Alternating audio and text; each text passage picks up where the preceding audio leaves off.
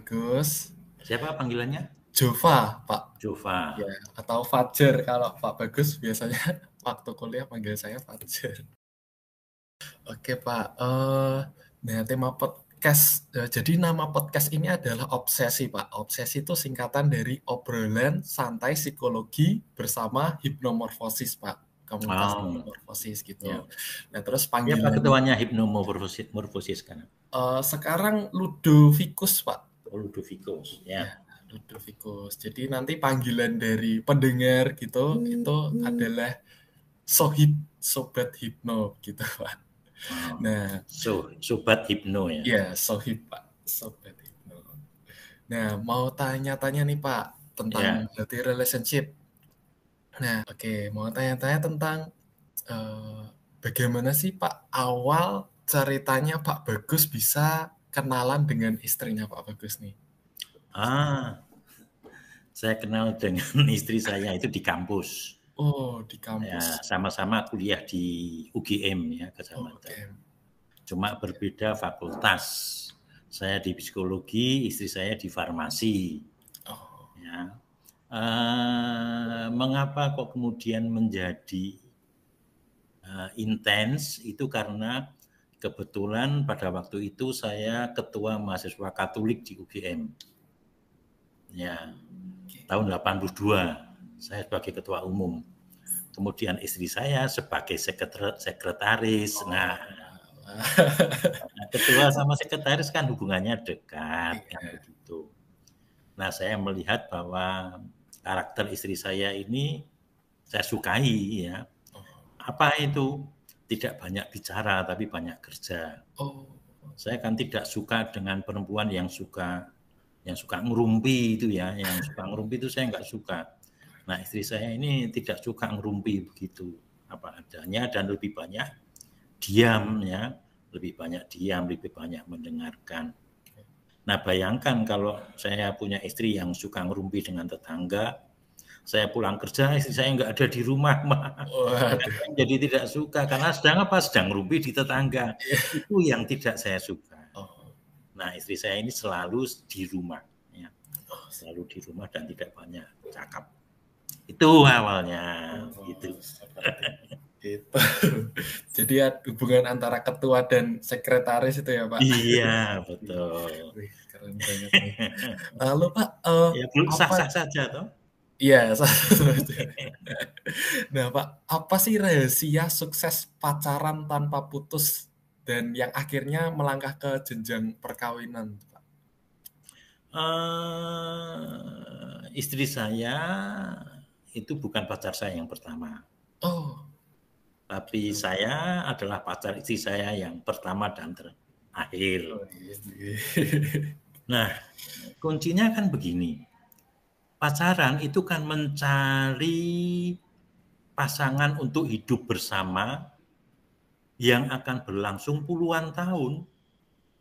Puluhan tahun, itu prinsip saya. Pacaran itu paling-paling dua tahun, tiga tahun. Tapi hidup berkeluarga itu bisa 35 tahun. Sekarang saya sudah 36 tahun. Bahkan sampai 50 tahun. Nah, kalau kita salah pilih, kan yang 50 tahun, yang 30 tahun itu kan jadi ya neraka kan begitu ya toh. Iya, Pak. harus hati-hati.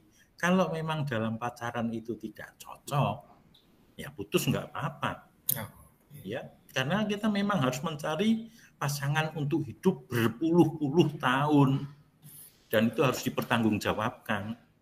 Kalau toh kita salah pilih, ya tetap harus dipertanggungjawabkan. Jangan kemudian diceraikan atau ditinggal pergi. Itu namanya tidak bertanggung jawab terhadap pilihan. Ya, orang yang bertanggung jawab sudah memilih, maka dia harus bertanggung jawab. Begitu. Berarti kalau gonta-ganti pacar tuh nggak apa gitu, tapi jangan nggak apa-apa. Tapi jangan gonta gonta-ganti istri, istri atau suami ya itu. Asal tujuannya memang benar-benar loh ya. Ya gonta-ganti tujuannya memang benar-benar mencari pasangan hidup yang paling cocok. Oke. Tapi memang memang susah untuk mencari pasangan yang ideal. Yang ideal itu nggak ada. Saya mengapa saya istri saya itu bukan pacar saya yang pertama karena saya dulu mencari yang ideal secara fisik. Oh. Nah, ternyata yang ideal secara fisik karakternya tidak saya sukai. Nah, ketika saya melihat uh, istri saya itu yang sangat saya sukai secara karakter, ternyata secara fisik bukan ideal saya. tinggal pilih ya, sekarang tinggal pilih mau ideal karakter atau ideal fisik. Nah, saya lebih menyukai yang ideal karakter. karakter.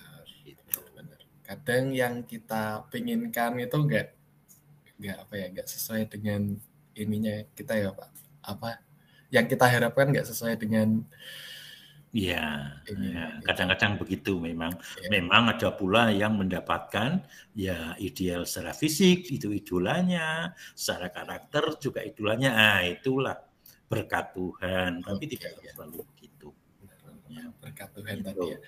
Nah, Pak, uh, aku mau tanya tentang bagaimana cara menunjukkan cinta Pak Bagus atau cinta kita itu kepada pasangan kita nih, Pak.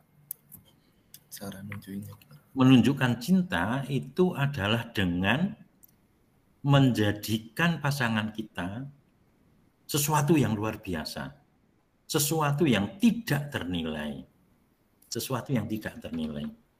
Kemarin kan saya udah uh, istri saya itu hampir membakar rumah, yeah. karena dapurnya itu kan terbakar, ya. Dapurnya itu terbakar, um, penuh dengan api sudah. Ya, uh, istri saya sampai di pro itu ya lemas itu. Di pro dan dia bertanya pada saya marah ya pak sama saya? Saya mengatakan tidak. Buat apa marah? Bahkan rumah ini pun terbakar. Tidak apa-apa yang penting kamu selamat. Nah itu ya. Jadi tidak ada harta yang dapat menggantikan pasangan hidup kita. Pasangan hidup kita itu adalah yang utama yang utama segalanya. Itu sebabnya saya juga pernah bercerita pada mahasiswa, semua harta benda, semua kekayaan itu saya serahkan pada istri. Nah, meskipun kekayaan saya seberapa sih, semua gaji saya berikan kepada istri saya. Ya. Nah, kalau uang saja masih awal, masih dikondeli, ya, apalagi yang lainnya. Iya. Ya kan begitu. Berikan segalanya pada orang yang dicintai. Dan itu pun juga tampak nyata kok. Coba orang yang hobinya memelihara burung, itu kan artinya kan ada cinta pada burung. Maka kan dia mau membersihkan burung, kotorannya, yeah. mau memberi makan, mau menjemur, mau merawat.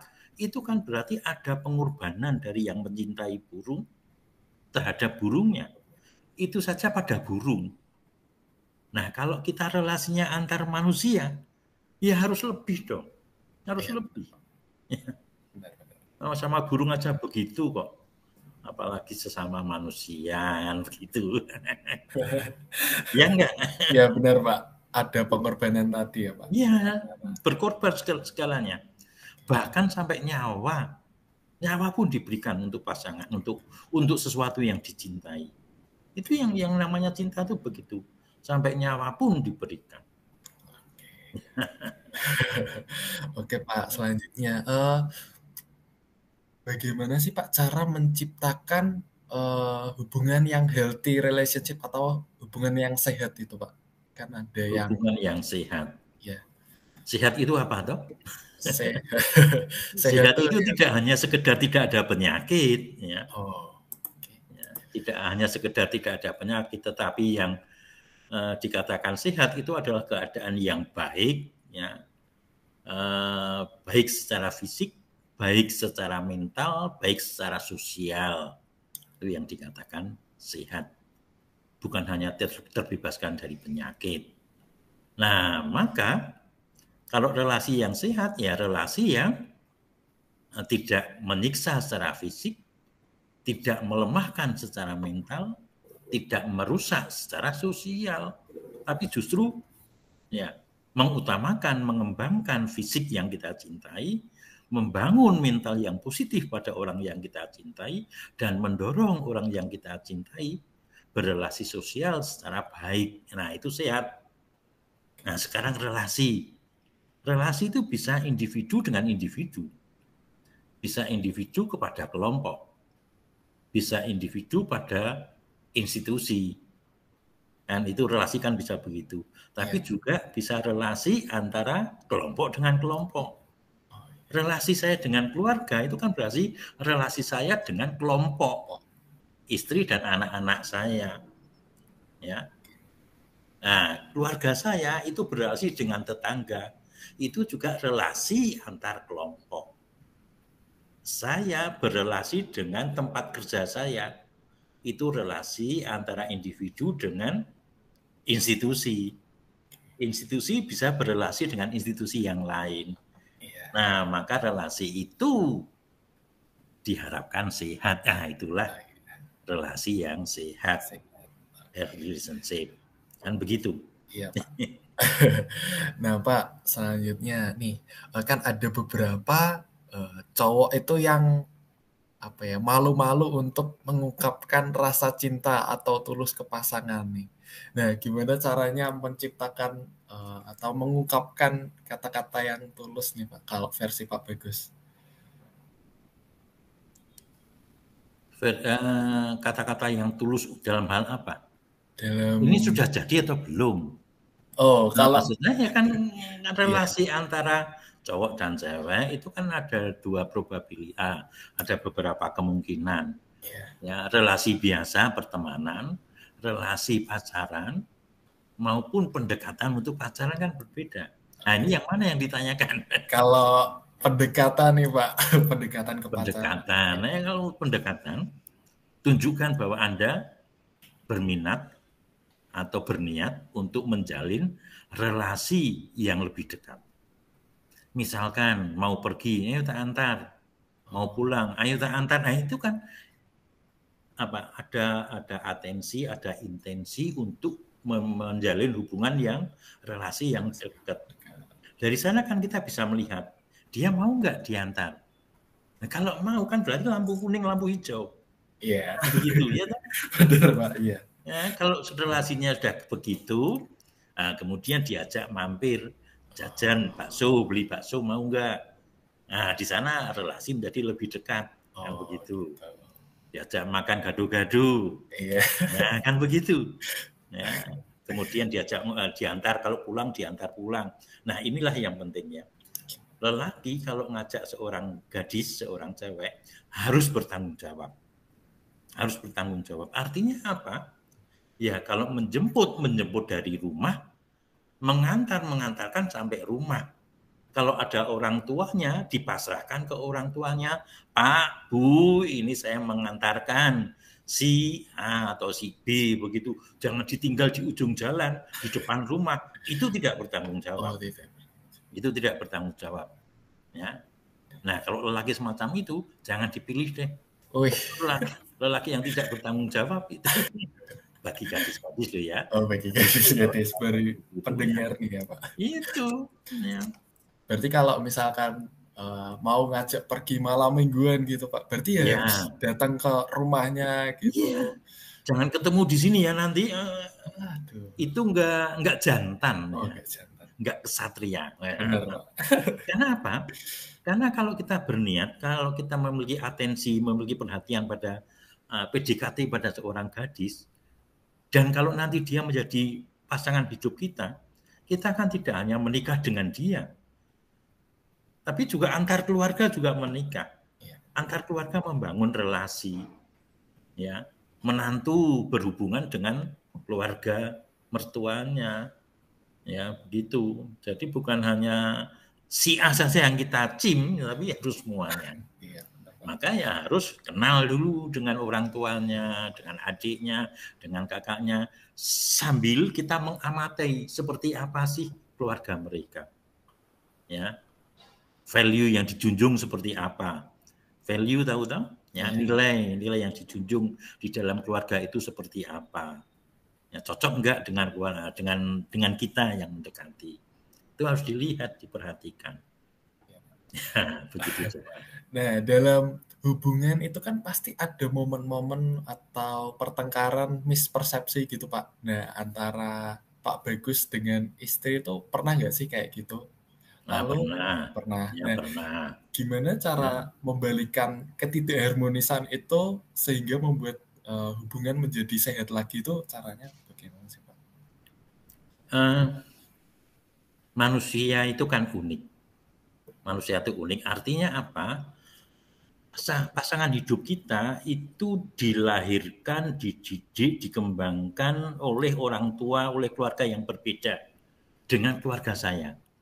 Ya, ya dia lahir sebagai anak keberapa, saya lahir sebagai anak keberapa, berapa jumlah saudaranya, berapa jumlah saudara saya itu akan membentuk apa karakter masing-masing.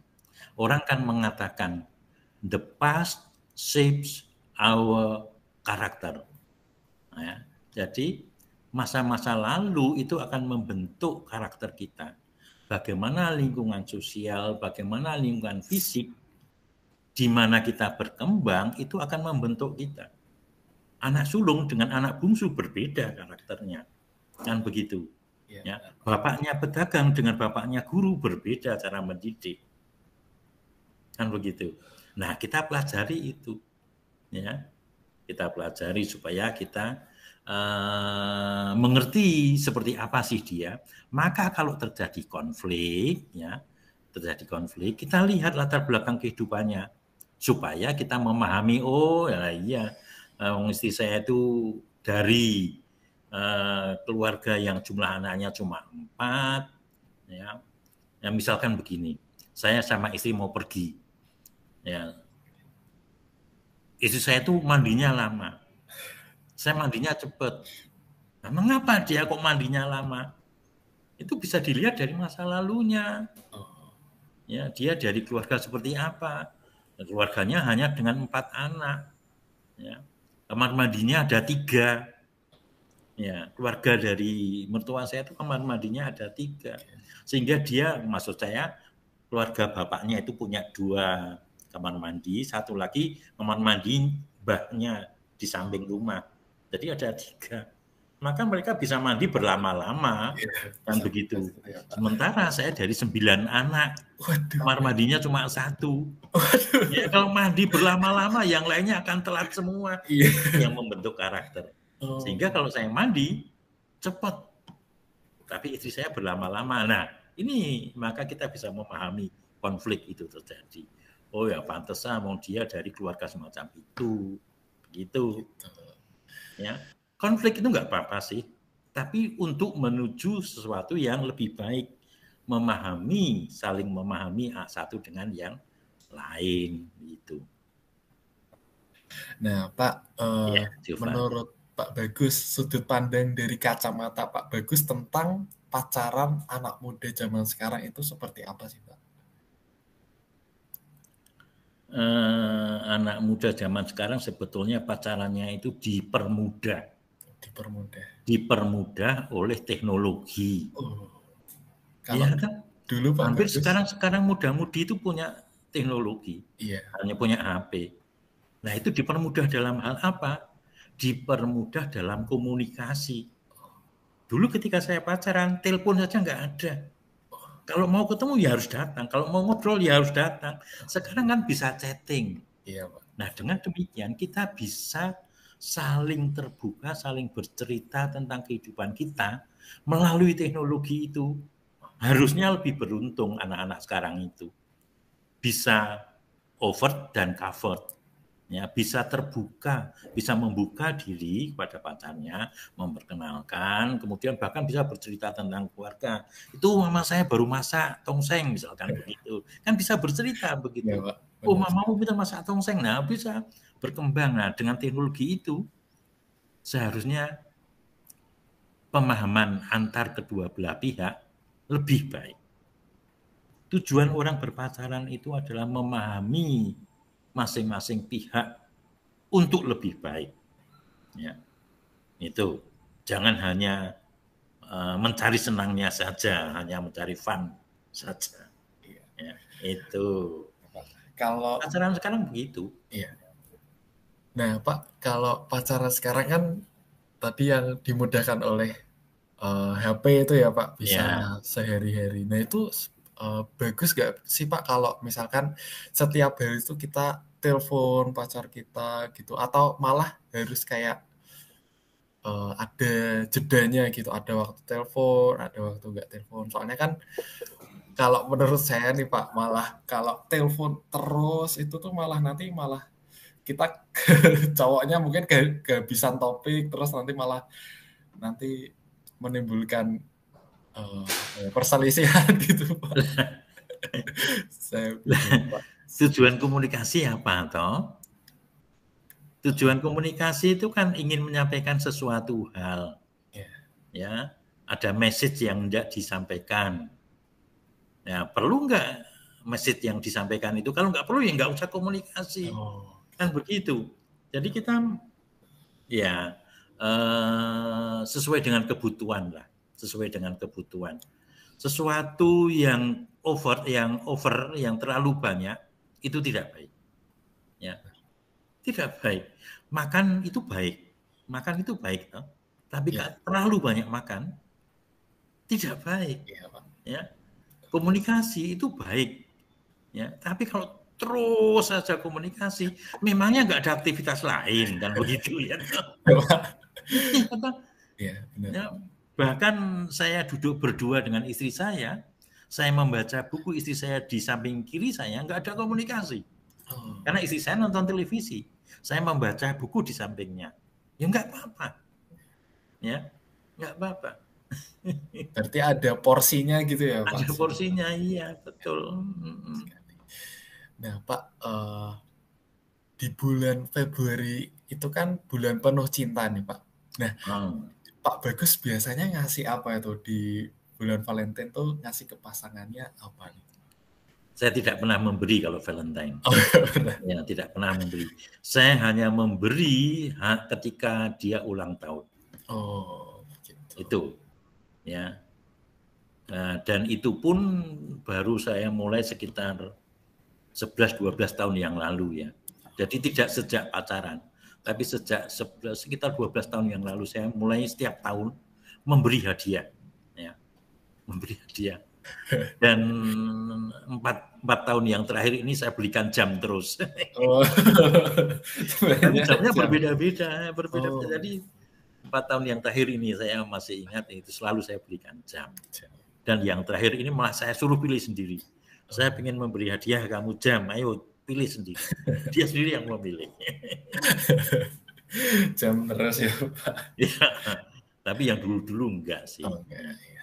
Nah, empat tahun yang lalu itu saya dibungkus tuh di di toko jamnya itu dan kemudian di sana saya beri catatan ya saya beri ucapan dari saya terima kasih istriku nah, saya mengatakan begitu terima kasih istriku.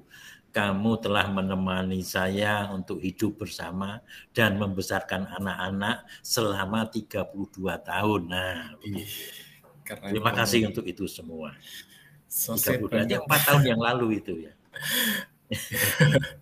Nah iya kalau memang harus mengucapkan terima kasih no. Ya. Karena nggak nggak ada istri saya, anak-anak saya nggak ada yang merawat juga. Oke, nah Pak, lanjut ke topik selanjutnya yaitu love language nih Pak. Apa? Love, love language, bahasa cinta nih Pak. Hmm. Bahasa cinta itu ada lima. Yang pertama ada words of affirmation, itu kita memberikan kalimat positif, pujian gitu, yang kalimat yang mengekspresikan rasa sayang. Lalu yang kedua ada quality time itu Apa? bahasa quality time, Pak. Ya, quality time. Quality time itu uh, fokusnya pada kualitas waktu yang dihabiskan hmm. bersama pasangan gitu. Lalu yang ketiga the receiving gift, uh, memberikan kado, yeah. memberikan hadiah. Lalu yang keempat ada act of service. Uh, hmm. Itu kayak bagaimana pasangan itu memperlakukan diri kita uh, mulai dari hal yang kecil sampai yang besar itu pak kayak kelas humor gitu pak jadi nggak ngomong aja nah yang kelima itu ada physical touch nah ber, uh, seperti menggenggam tangan sampai uh, memeluk gitu pak nah kan bahasa cinta ada lima itu nah kalau pak bagus sendiri kira-kira bahasa cintanya seperti apa? Saya lebih cenderung eh, yang terakhir tadi Physical. sama yang keempat. Oh. Ya. Saya uh, saya tidak ingin membuat istri saya capek. Ya saya saya tahu bahwa dia udah capek sih. Maka sedapat mungkin saya membantu dia maka cuci piring itu selalu saya dahului, bukan istri saya. Saya yang mendahului cuci piring. Dan kebetulan saya ketika mencuci piring itu juga merasa senang. Ya, mengapa?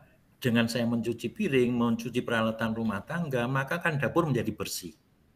Saya tidak senang kalau melihat dapur itu penuh dengan cucian. Ya, nah daripada saya menunggu istri saya yang mencuci, saya cuci Nah, akibatnya saya melihat dapur menjadi bersih. Saya senang, jadi saya mencuci piring bukan untuk istri saya sebetulnya, tapi juga untuk saya. Oh, iya, untuk saya. Tetapi dengan demikian kan istri saya terbantu, ya, terbantu. Jadi dia tidak usah mencuci piring. Dan physical touch itu banyak saya lakukan. Kalau saya saya misalkan istri saya di dapur, ya saya rangkul dari belakang, saya cium, itu biasa, ya, itu biasa.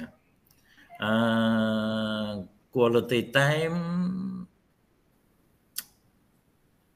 saya nggak tahu quality time yang mana. Tetapi misalkan begini, ya sekarang kan di rumah ada anak saya yang paling kecil, ya, ada anak yang paling kecil. Kalau anak saya berangkat ke rumah sakit Karyadi, ya istri saya saya ajak Nah di rumah dia juga sendirian. Yeah. Dan saya ikut saja. Jadi kami setiap hari mengantar dan menjemput anak yang paling kecil. Oh. Itu quality time menurut saya. Yeah, ya. Dari di, di, di perjalanan kami bisa ngobrol, ketika menunggu kami juga mengobrol macam-macam lah, begitu. Dan itu saya rasakan hangat ya, ketika mengantar dan menjemput itu. Oke. Okay. Nah Pak, gimana kalau ternyata uh, love language kita sama pasangan itu nanti berbeda, Pak? Apakah tandanya itu kita nggak cocok buat dia? Ya ngomong, lah ke pasangan toh. Kalau nggak cocok ya ngomong saja. misalkan ya, misalkan uh, istri saya, saya kan tadi sudah mengatakan saya suka merangkul dari belakang. Ya, toh? Ketika istri saya sedang setrika, kan berkeringat kan panas ya toh. Ya, ya rangkul saya rangkul dari saya cium dari belakang, dia nggak suka, dia ngomong. Nah sejak itu tidak pernah saya lakukan lagi. Nah itulah namanya komunikasi, itunya namanya relasi kan harus begitu. Dia ngomong saja lah wong ini pasangan kita. Ya. Benar ya Pak. Tidak usah takut. ya. Ya, demikian pula kalau saya melihat istri saya pakai pakaian yang tidak saya sukai, saya juga ngomong, jangan pakai itulah, buang aja. Karena saya nggak suka yang itu aja. Ya. ya Pak. Nah Pak Bagus ini uh, aku pernah cari-cari Pak Bagus kayaknya pernah buat jurnal atau artikel tentang selalu ditolak cewek waktu 2015. Terus uh, ada artikel juga tidak ada foto bersama pacar di tahun 2018 ini. Yeah. Nah, apakah itu adalah uh, bentuk ketidakcocokan love language kita ke pasangan kita, Pak? Uh, itu nganu ya, uh, respon saya pada sebuah pertanyaan ya. Oh. Itu ada orang bertanya, yeah. Pak, uh, saya itu selalu ditolak. Nah, kemudian itu jawaban saya. Oh, itu, itu aku ya. mau baca artikelnya nggak bisa, Pak. Lah kenapa? Harus apa ya? Pakai uh, email sama password gitu terus oh oh ya ya itu udah lama itu ya oh, iya. itu jadi itu bukan saya yang melakukan tapi itu orang bertanya kemudian saya menjawab gitu oke ya mungkin uh, di akhir nih Pak ada nggak sih wejangan dari Pak Bagus buat pendengar nih? Buat apa? wejangan dari Pak Bagus buat pendengar podcast ini tentang healthy relationship tadi. Ya uh, relasi yang sehat itu harus dibangun, harus diusahakan, ya, harus diusahakan. Nah, maka relasi yang sehat itu orient, orientasinya bukan pada diri sendiri, tapi orientasinya pada orang yang kita cintai, pada lawan relasi kita. Maka relasi yang sehat itu adalah relasi yang mensejahterakan, membuat orang lain menjadi sejahtera, baik secara fisik, secara mental, secara sosial. Gitu. Apalagi kalau itu menjadi pasangan hidup kita. Maka usaha itu harus jauh lebih kuat. Keren. Gitu. Oke, keren banget wejangan dari Pak Bagus nih. Uh, mungkin para pendengar podcast ini, para sohib, uh, terima kasih sudah mendengarkan bincang-bincang uh, bincang kami dengan Pak Bagus. Terima kasih juga sohib